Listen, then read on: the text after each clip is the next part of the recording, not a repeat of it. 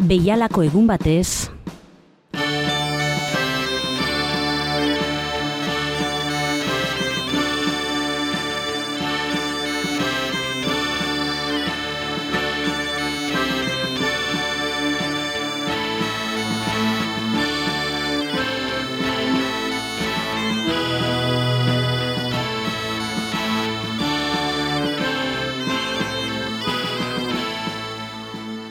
Gaurko programa honetan oroimena astindu eta Espainiar estatuan bigarren errepublika gisa ezagutzen den sasoia gogoratu nahiko genuke datozen minutuetan. Oso atzera joan gabe eta labur kontestualizatzeko esan dezagun bigarren errepublikaren etorreraren aurretik Primo de Riberaren diktarura zegoela indarrean. Mila bederatzi deun eta hogeita iru, hogeita amar bitartean horrek suposatu zuen errepresio guztiarekin, politikoa, soziala eta gainontzekoa. Bere azken hilabetetan krisi politiko sakona pairatu zuen, artean mundu mailako egoera ekonomikoak eragin handia izan zuelarik, eta Alfonso Amairu garrenaren prestigioa guzti ondatuta geratu zen.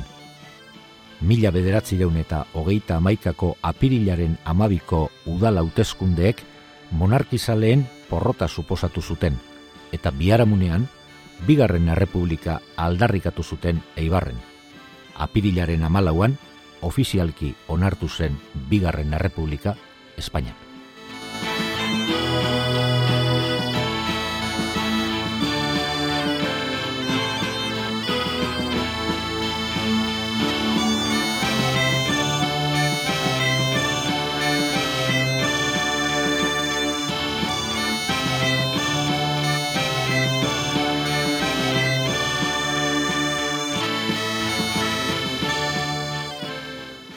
Espainian, bigarren errepublika, mila bederatzireun eta hogeita amaikako apirilaren amalauan aldarrikatu zen. Alfonso amairugarrena Espainiakoa boteretik egotziz. Aurreko egunean, apirilaren amairuan, Eibarko udaletxean jaso zuten Espainiako bigarren errepublikako bandera izango zena, beste hiriei aurre hartuta.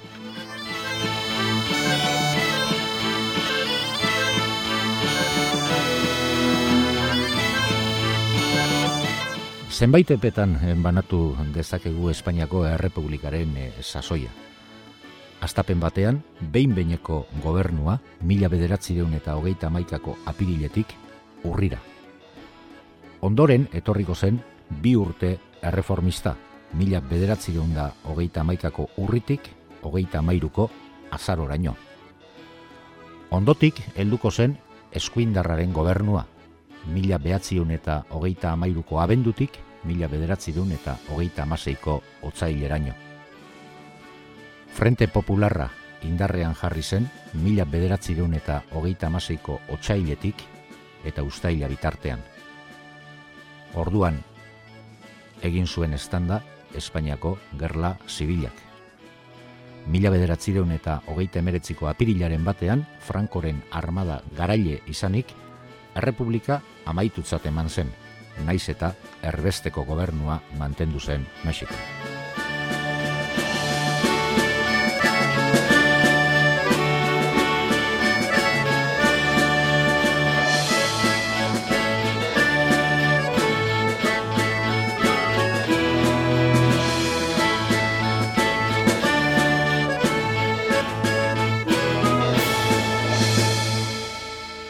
Errepublikaren eh, aldekoek herritarrak zinegotzi batzuk ala besteak aukeratzean monarkiaren alde edo kontra agertzen ziren galdeketa bihurtu zituzten mila bederatzireun eta hogeita maikako apirilaren amabiko udala hauteskundeak. Ego Euskal Herrian, emaitzak askotarikoak izan ziren, baina ugaritasun horretan gauza nabaria da nola industriak indar handiagoa zuen lekuetan eta gizarte gatazkak handienak izan zirenetan, botoa errepublikarren aldekoa izan zen. Horregaitik, adibidez, Gipuzkoako boto gehienak eskerreko hautagaietara joan ziren, eta hiriburuan, donostian, portzentaia hori euneko ia berrogeita amazazpira iritsi zen. Egoera oso bestelakoa zen Nafarroan, eskuineko hautagaiek errepublikaren kontra gehiengo zabala lortu baitzuten han. Hala ere, altxasu, fitero edo tuteran, eskerrak izan zuen nagusitasuna. Hautezkundeen emaitzak jakiteko larritasunak eta estatuko hiriburu garraintzitsuen eta errepublikaren aldeko botoak gehiago zirelako zurrumurruak jendea kalera irtetera eta albisten zain biltzera bultzatu zuten. Berez sortu ziren manifestazioak eta jendea udaletxeetara abiatu zen errepublika deklaratzera eskatzeko. Udalberriak osatu eta errepublikaren bandera goratu zen jendearen posaren poses. Gero, herriak korritu zuten berri ona aditzera emateko, bibaka eta kantari, Marsellesa, Internazionala eta Gernikako arbola abestuz batez ere.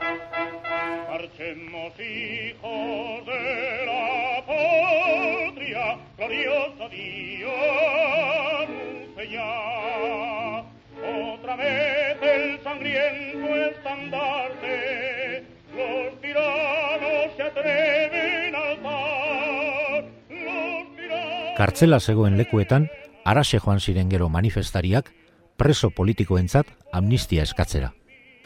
Iriko espazioaren eh, aldaketa baten modura bizi izan zuten garai hartako guzti guztiek errepublikaren etorrera aldaketa horren lehen ikurra kalean jendetza agertzea izan zen. Baina paisaia aldaketa horretan nabarmentzekoa izan zen alaber, bandera sozialista, errepublikazale eta nazionalisten agerpena, Frantziako iraultzako txano eta apaingarriak, eta oroar pos biziaren agerraldiak. Horrek denak balio simboliko handia zuen, herriaren borondatearen garaipena adierazten baitzuen, eta aldaketaren sakona. Horregaitik, kale eta plazen izenen aldaketa etorri zen aurreneko simbolo haien atzetik, eta eskutuen eta beste ezaugarri monarkia zaleen desagertzea. Alegia, mundu berri bat zetorren, zoriona barra-barra zabalduko zuena.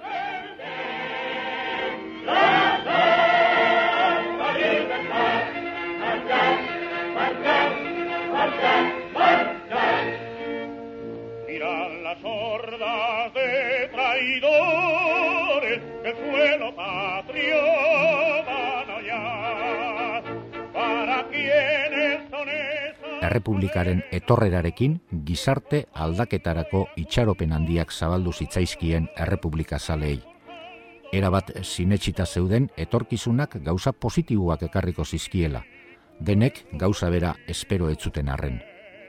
Langile askoren ustez, Errepublikaren garaipenak funtzesko aldaketa ekarriko zien bizimodu eta lan baldintzetan, eta iraultza sozialistaren parean ere jartzen zuten batzuek Errepublika eskerreko nekazarientzat lurraren jabetza eta langabezia ziren arazo nagusiak. Nafar nekazarien kasuan, herri lurren, labore lurren, korralizaz deitzen ziren horien eta nobleen jabetza handien arazoari irten bidea ematean zetzan beren egoeraren hobetzea eta nekazaritza erreformarako plangintza baten barnean baino ezin zen egin hori. Asmo eta itxaropen horiek denak herritarren politizazio sakon bat ekarri zuten, organizazio sozialistentzat batez ere onuragarria izan zena. Bai pesoen, bai ujeten, asko hasi zen kideen kopurua. Bai alderdi komunista, bai CNT hasi egin ziren. En la plaza de mi pueblo dijo el jornalero al amor la plaza de mi pueblo dijo el jornalero al amo, nuestros hijos nacerán con el puño levantado. Nuestros hijos nacerán con el puño levantado.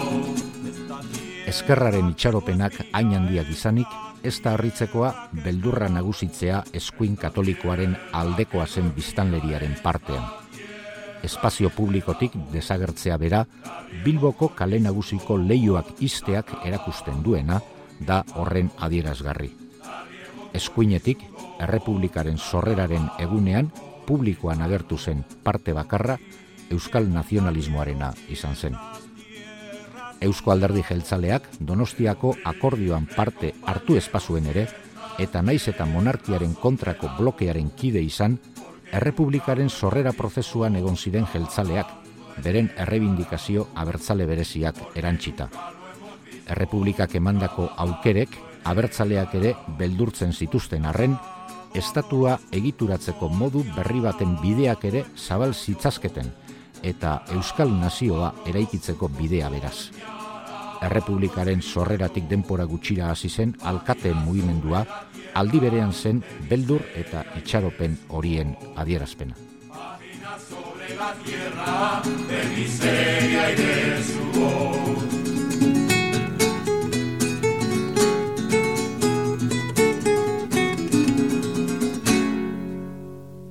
Euskal gizartean, mila bederatzireun eta hogeita maikako batzar konstituzio gileen hauteskundeetan adierazi zen errepublikaren harrera. Hartan eta Euskal politika oinarri oinarrian iruki formakoa bazen ere, bi alderdi nagusiren inguruan mugitu ziren gauzak, munduaren bi ikusmolde kontra jartzen zirela. Alde batetik, errepublika zaleen baikortasuna zegoen, eta bestetik, gizartearen ondamena espero zutenen ikara apokaliptikoa, baina nazionalismoaren kasuan euskal autonomiaren defensarekin batera. Izan ere, argudio horrek bateratu zituen Lizarrako estatutuaren defendatzaile gisa aurkeztu ziren eskuindar guztiak.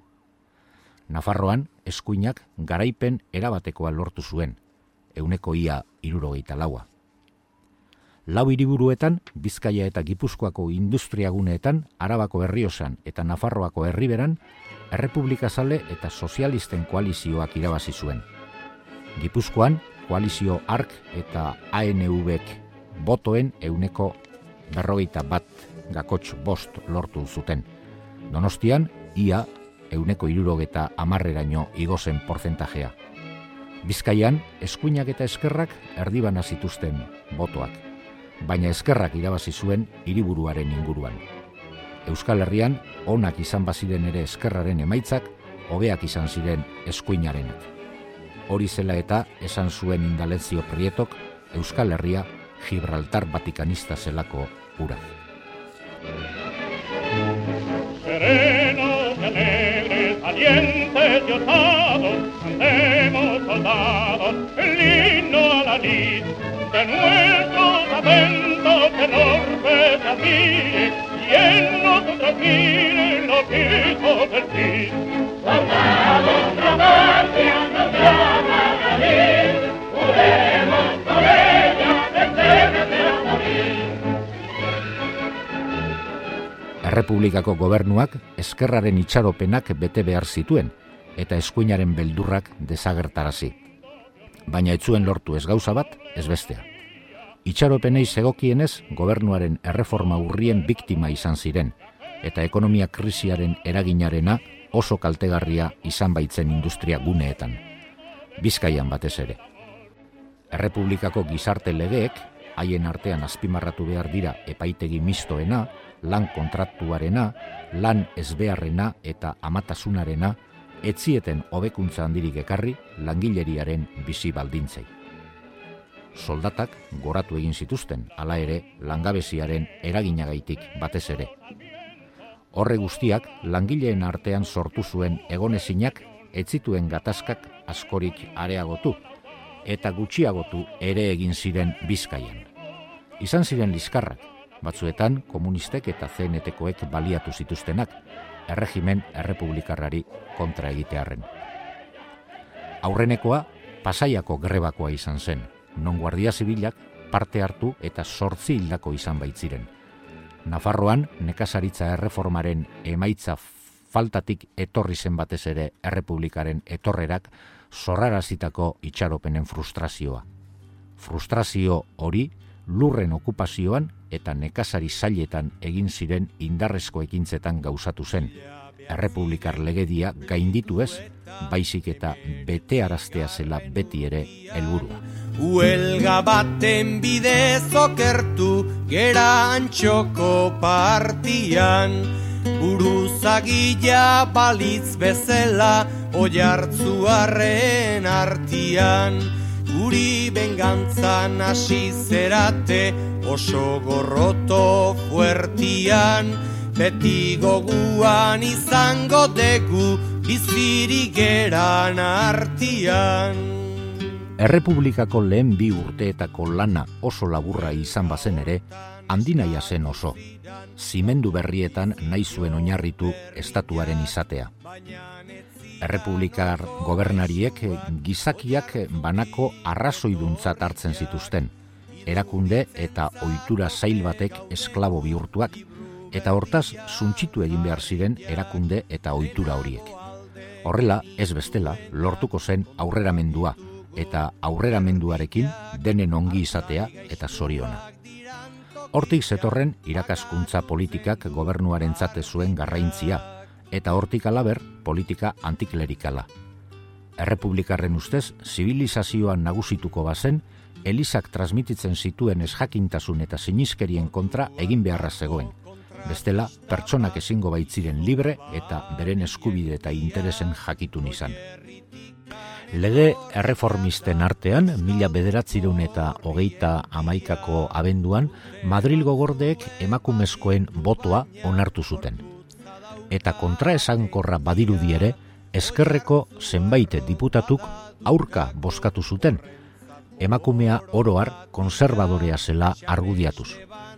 Iritsi horren defendatzaileek emakumezkoen botoari egotziko zioten mila bederatzireun eta hogeita amairuan eskuina garaile ateratzea Espainia mailan.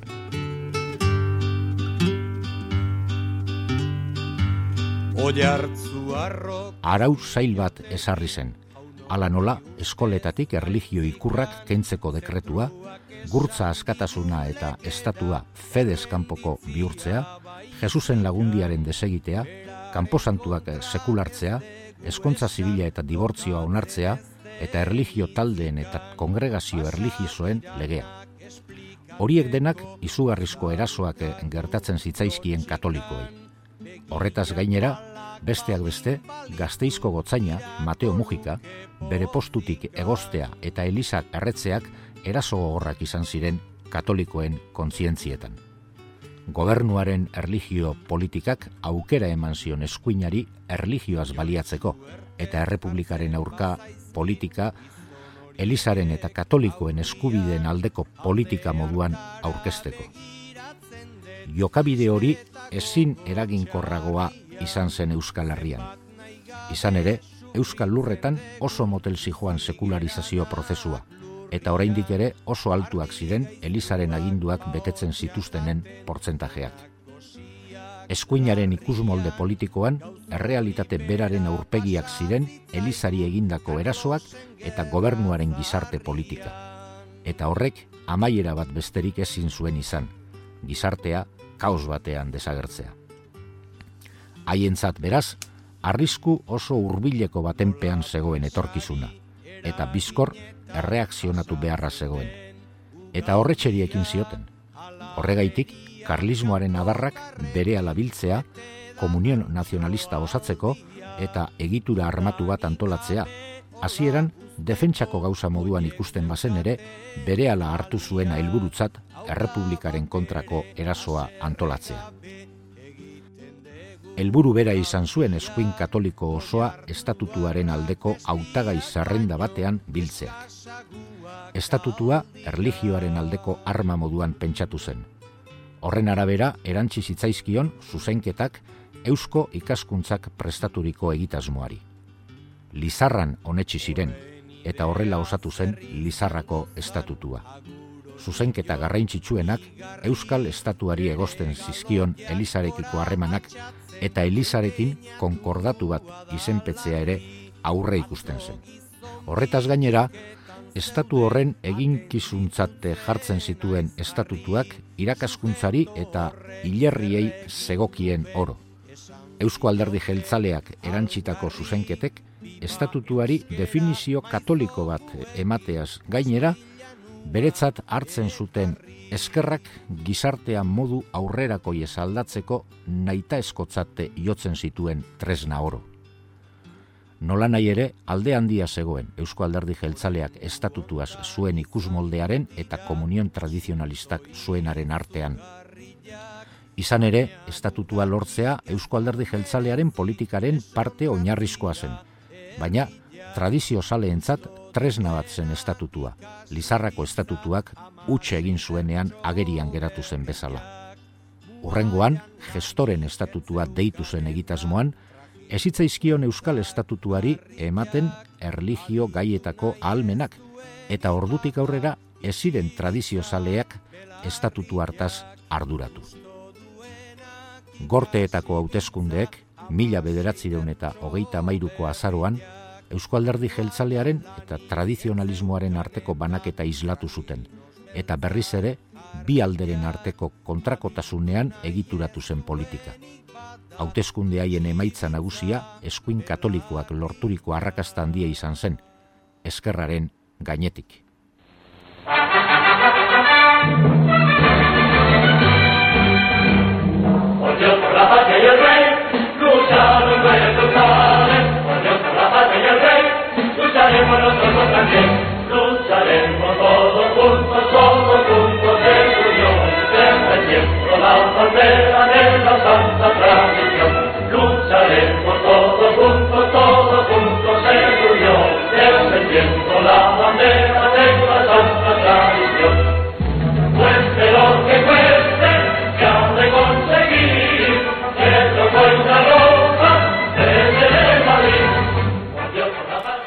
Emaitza horien arrazoia, errepublikak sortu zituen itxaropenei erantzuteko ezintasunari egotzi behar zaio, aldi berean masa katolikoak azarratzen zituela bere politika antiklerikalarekin.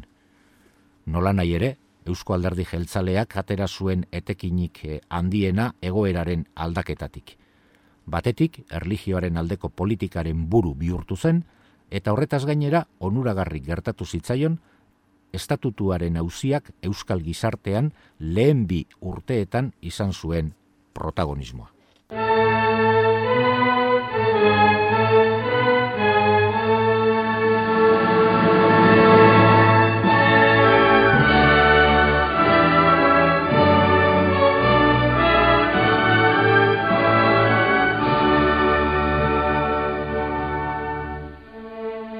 Bai Eusko Alderdi Jeltzaleak, bai gainerako eskuinak, ikusmolde katastrofista zuten gizartearen etorkizunari buruz. Eusko Alderdi Jeltzalearen ustez, gizartea mehatxatzen zuten arriskuek pentsamolde liberalean zuten jatorria. Eta ark, erligioen balioen nagusitasuna ezabatu eta haien ordez balio sekularrak esarri ondoren, izadiaren zibilizazioaren gaineko garaipena ekarriko zuen disiplina, ordena, desirei eta grinei eustea predikatuz, zibilizazioaren ordezkari zen Elisa. Askatasun, sorion eta plazeraren balio sekularrak, eskuinaren pentsamentuarentzat izadia ziren. Eskuinarentzat banakoaren plazera lortu nahia, lusuaren edota sexualitatearen gustua bezalako adierazpen bitxiak zuten ura, sorion kolektiboa iraultzaren bidez lortu nahiaren pareko gauza zen bi desira horiek izadiaren agerpen ziren, arrazoiaz arantzagokoak, eta horrek gizartearen ondamena ekarriko zuen. Gizartea iraunkor bihurtzea pentsamenduaren aldaketa prozesu baten bitartez baino etzen lortuko. Pentsamendu erligiosoaren garraintziak nagusitu behar zuen berriz ere gizartean, eta pentsamendu ark bihurtu behar zuen berriz ere giza jokabidearen gidari. Helburu horrekin, bai Eusko Alderdi Jeltzaleak, bai gainerako eskuinak, kanpaina luze bat antolatu zuten, mila bederatzireun eta hogeita amalau inguruan indartu zena, eta ezaugarri nagusiak eh, ondartzetako bainua edota sexu askatasuna gisako jokabide modernoak kritikatzen zituzten itzaldi zail bat edota prentsa artikuluak eh, izan zituzten. Emakume eredu berriak kritikatzen ziren batez ere, hile motza eramatetik erre edo etxetik kanpo lan egiteraino. Emakumea, gizartearen berrikuntzaren oinarrizko tresnatzate hartzetik zetorren emakumearen jokabideekiko interes berezi hori, familia zaintzen zeukan erantzunkizuna gaitik. Pentsatzen zen, emakumea aldatu ezkero, familia aldatuko zela, eta horrekin gizartea osorik. Familia baitzen haientzat gizartearen oinarrizko zelula eskuinaren arrazoibidearen arabera, gizartearen iraunkortasuna eta iraultzaren arriskua usatzea lortuko ziren emakumea bere ohiko paperera itzulita. Eskuindar guztientzat, etorkizun hobe baten bermea iraganeko pentsamentuaren eta jokabideen formetan zetzan, balio erligiosoen nagusitasuna ezaugarri zuten haien berreskuratzean. Ikusten dugu goixean egunagi, zendania mendipuntatxo batian.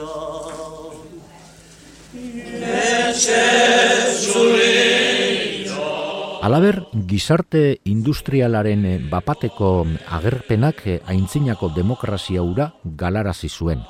Garapenarekin batera, baserrien ugaritasunak ezaugarritzen zuen ohiko paisaiaren desagertzea ekarri baitzuen, eta gauza bera eragin zuten arazo sozialek eta autoktonoak ez bezalako ohituren barneratzeak nazionalismoak lortu nahi zuen Euskadiren eraikuntza nazionala, beraz, suntxipen sozialaren kontrako ezi baten gizara aurkezten zen. Tradizioaren berreskuratzeak jatorrizko forma politikoetara itzultzean lortuko bazuen ere, bere adierazpen eh, gorena privilegiozko esparru bate zuen nazionalismoaren kultura eginkizunetan eginkizun horiek diktaduraren garaiaren ondoren oso aurreratuak bazeuden ere etzeuden amaituak. Horien artean asko erabili ziren prentsa, liburua eta antzerkia, eta baita zinema eta irratia ere, orduantxe hasi berriak.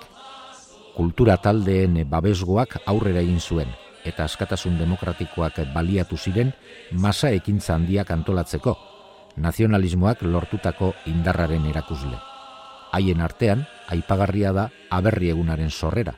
Aurrenekoz Bilbon, mila bederatzirun eta hogeita amabian ospatu zena, eta gero, beste euskal hiriburuetan egingo zena. Errebindikazio abertzaleak, Eusko Alderdi Jeltzalearen proiektu politikoan zuenen nagusitasuna zela eta, iraultza sozialaren kontra egiteko borondateak etzuen bere koherentzia osoa iritsi, eta hala, eskuinetik aldentzen hasi zen gero eta gehiago eta horretan politikako kokalekuari buruz zentro kontzientzia bat sortu zen. Zentzu berekoak gertatu ziren proposamen sozialak eta solidaridad de obreros basko zen jarrera bera, Elizaren politika sozialaren aldekoa. Autonomia errebindikazioen kontrako eskuinaren gero eta etxaigo handiagoa, eta mila bederatzireun eta hogeita malauko gertaerak. Hala ere, erabakigarriak izan ziren Eusko Alderdi Jeltzalea gainerako eskuinetik alden zedin. Santa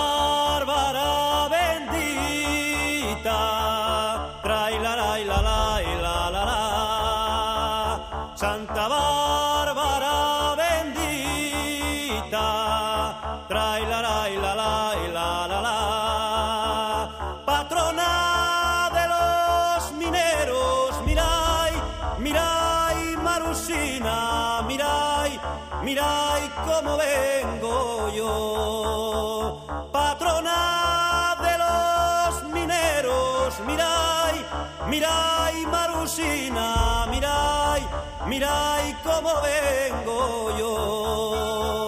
Nel pozo María Luisa, trai la la la la la la. Nel pozo María Luisa, trai la la la la la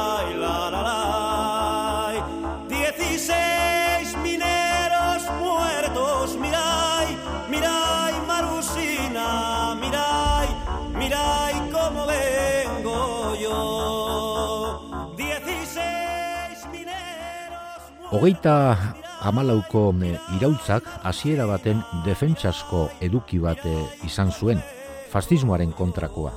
Baina erasozkoa ere bazuen, gizarte berri bat antolatzeko asmoa alegia. Eskerreko gobernu errepublikar baten bi urteko gobernuaren ondoren lortu ezin izan zena. Sozialisten erradikalizazioak aldaketa handia zekarren.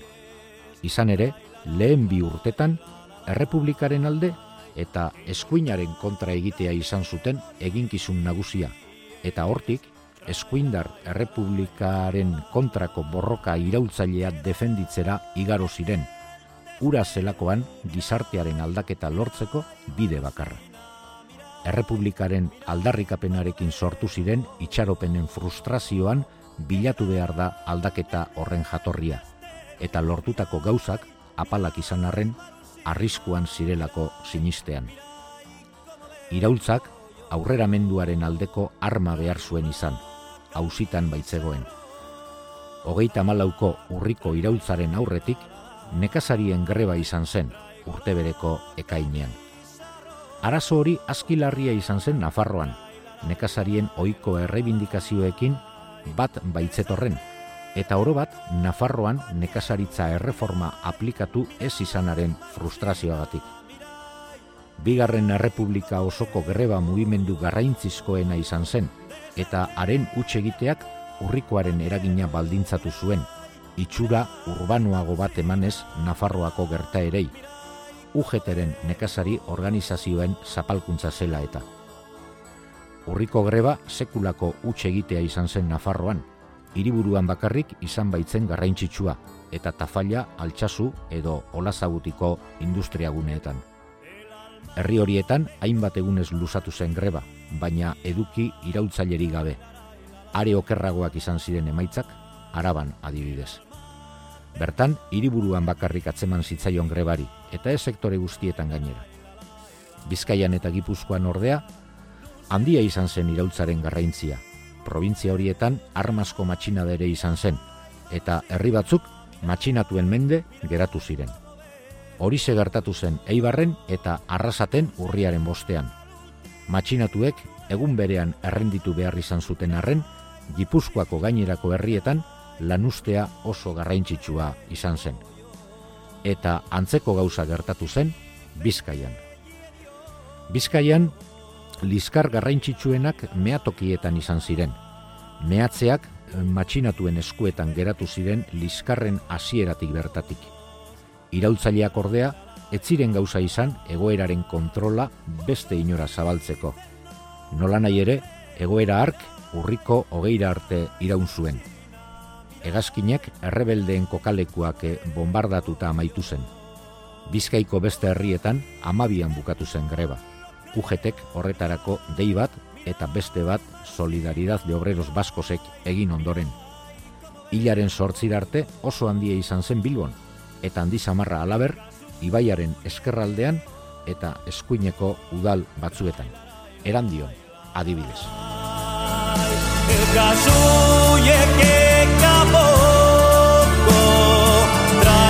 Grebaren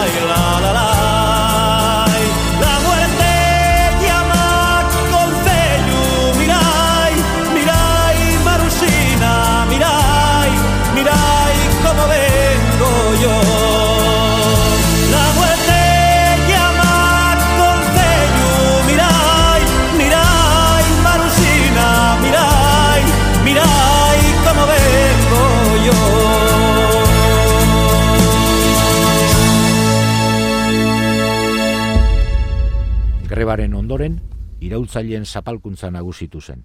Kartzelan sartu zituzten asko eta askoz gehiagok lana galdu zuten.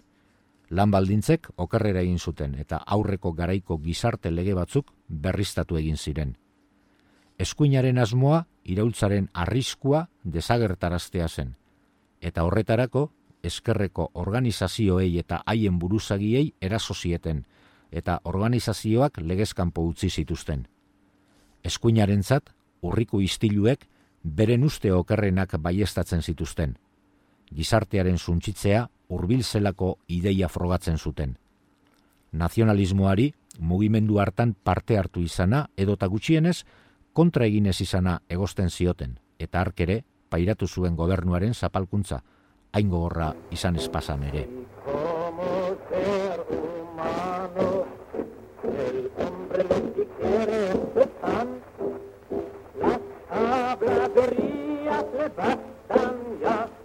fiestas navales son. Pues un, dos, tres, pues un, dos, tres, compañero en tu lugar, porque eres del pueblo, afiliate ya.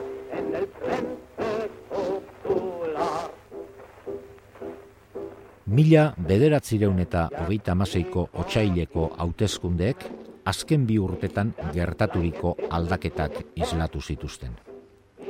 Ordurako gainditua zeukan eskerrak urriko beheraldia eta gobernuak beren organizazioen kontrako neurriak altxatu zituenean indar berria zutela ikusi zuten.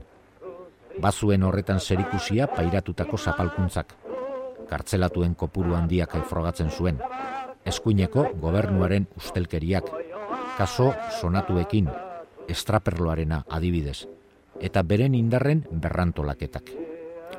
Herri frontearen sorreran mamitu zen azkenean berrantolatze hori.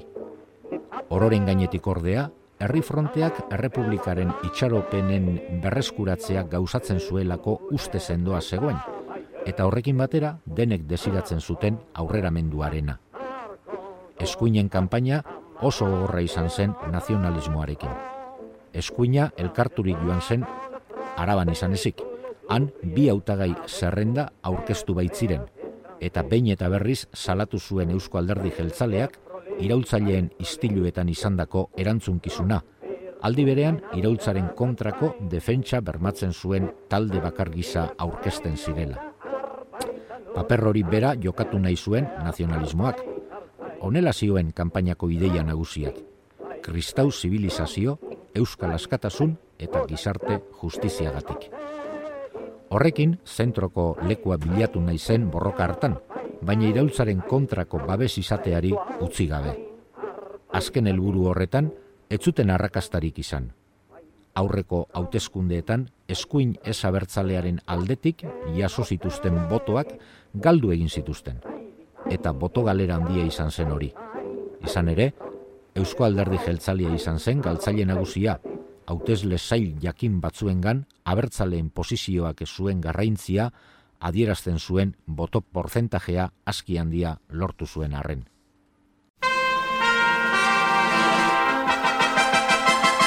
Bandera roja, tú eres nuestra guía. Bandera roja, tú forjas la unión. Tú eres la esperanza de que nuevo día saludes triunfante la revolución.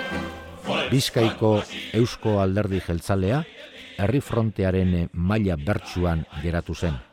Eta gipuzkoan berriz, garaitu egin zuen, porzentaje txiki batez izan arren. Bizkaian, Eusko Alderdi Jeltzaleak eta herri fronteak urrenez urren lortu zuten botoen euneko hogeita amazazpiterdia eta hogeita amazazpigakotx lau eskuinak. Gipuzkoan berriz e, portzentajeak e, urren ez e, urren ia euneko hogeita mazazpia eta ia euneko hogeita amairua eta eskuinaren zat euneko hogeita marra izan ziren. Araban eta Nafarroan, herri fronteak Eusko Alderdi Jeltzaleak baino emaitza hobeak izan zituen, baina hala ere garaipena eskuineko koalizioek lortu zuten. Nafarroan, mila bederatzireun eta hogeita amairukoaren oso antzeko emaitzak izan ziren.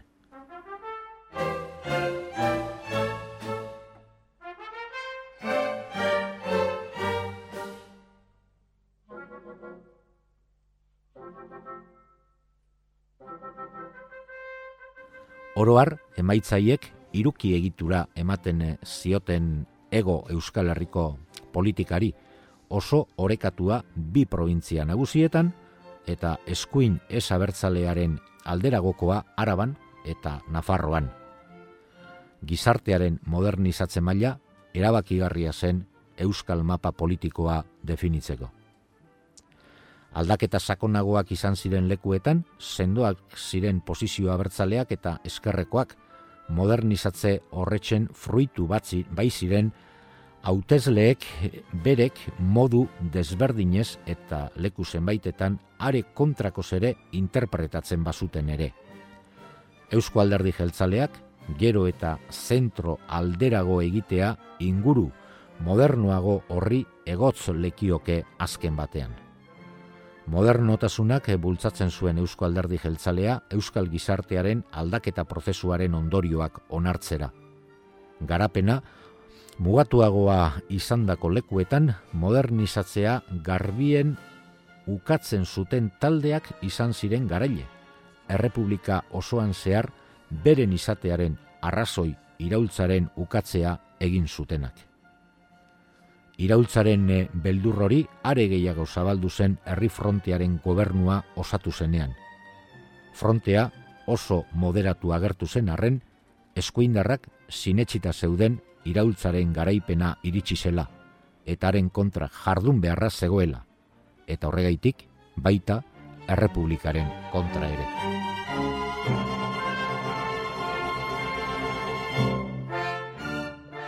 Konklusio gisa, honako ideia orokorra hauek aipa genitzake.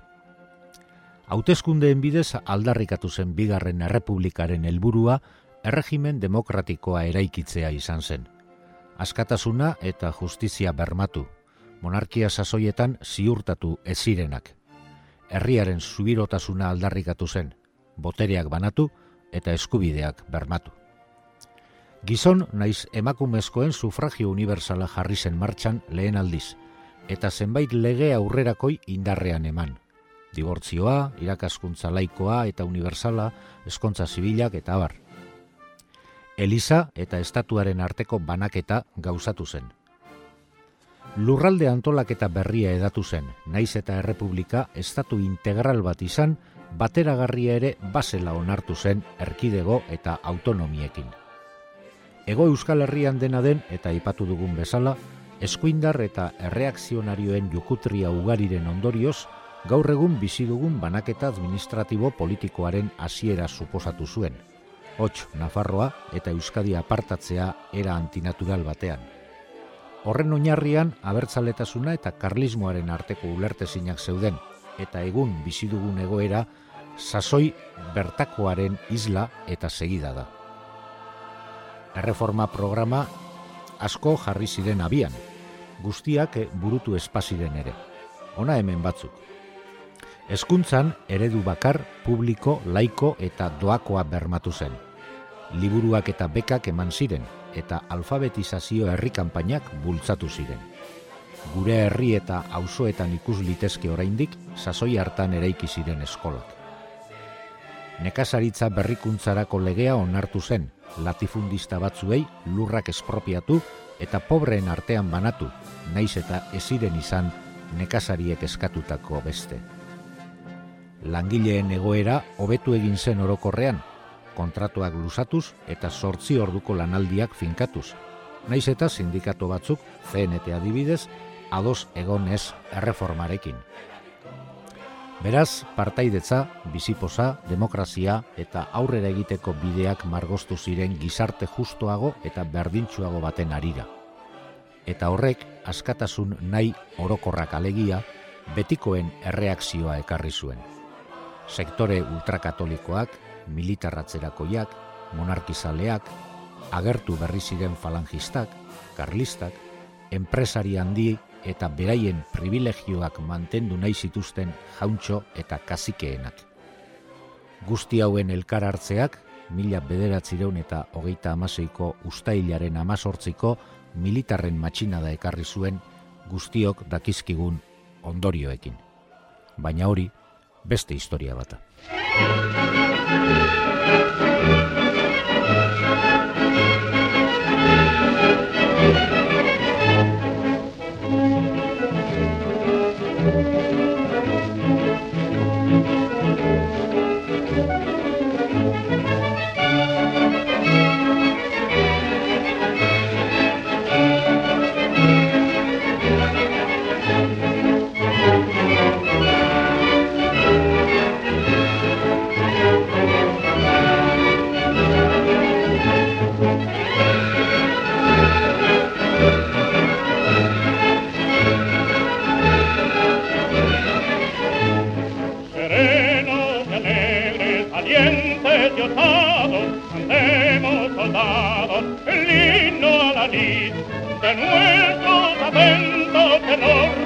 capire, quien no te capire lo dijo per ti.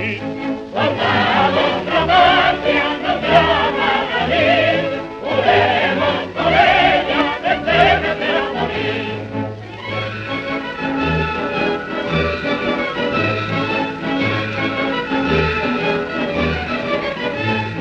El mundo vio nunca más noble osadía, ni vio nunca un día valor que aquel que inflamados nos vimos del fuego, el quitar riego de patria el amor.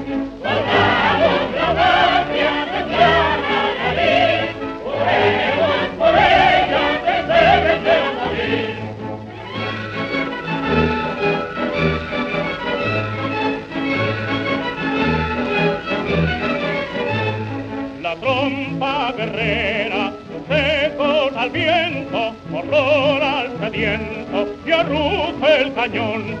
Y amarga el cañudo, la audacia provoca, el ingenio invoca de nuestra nación.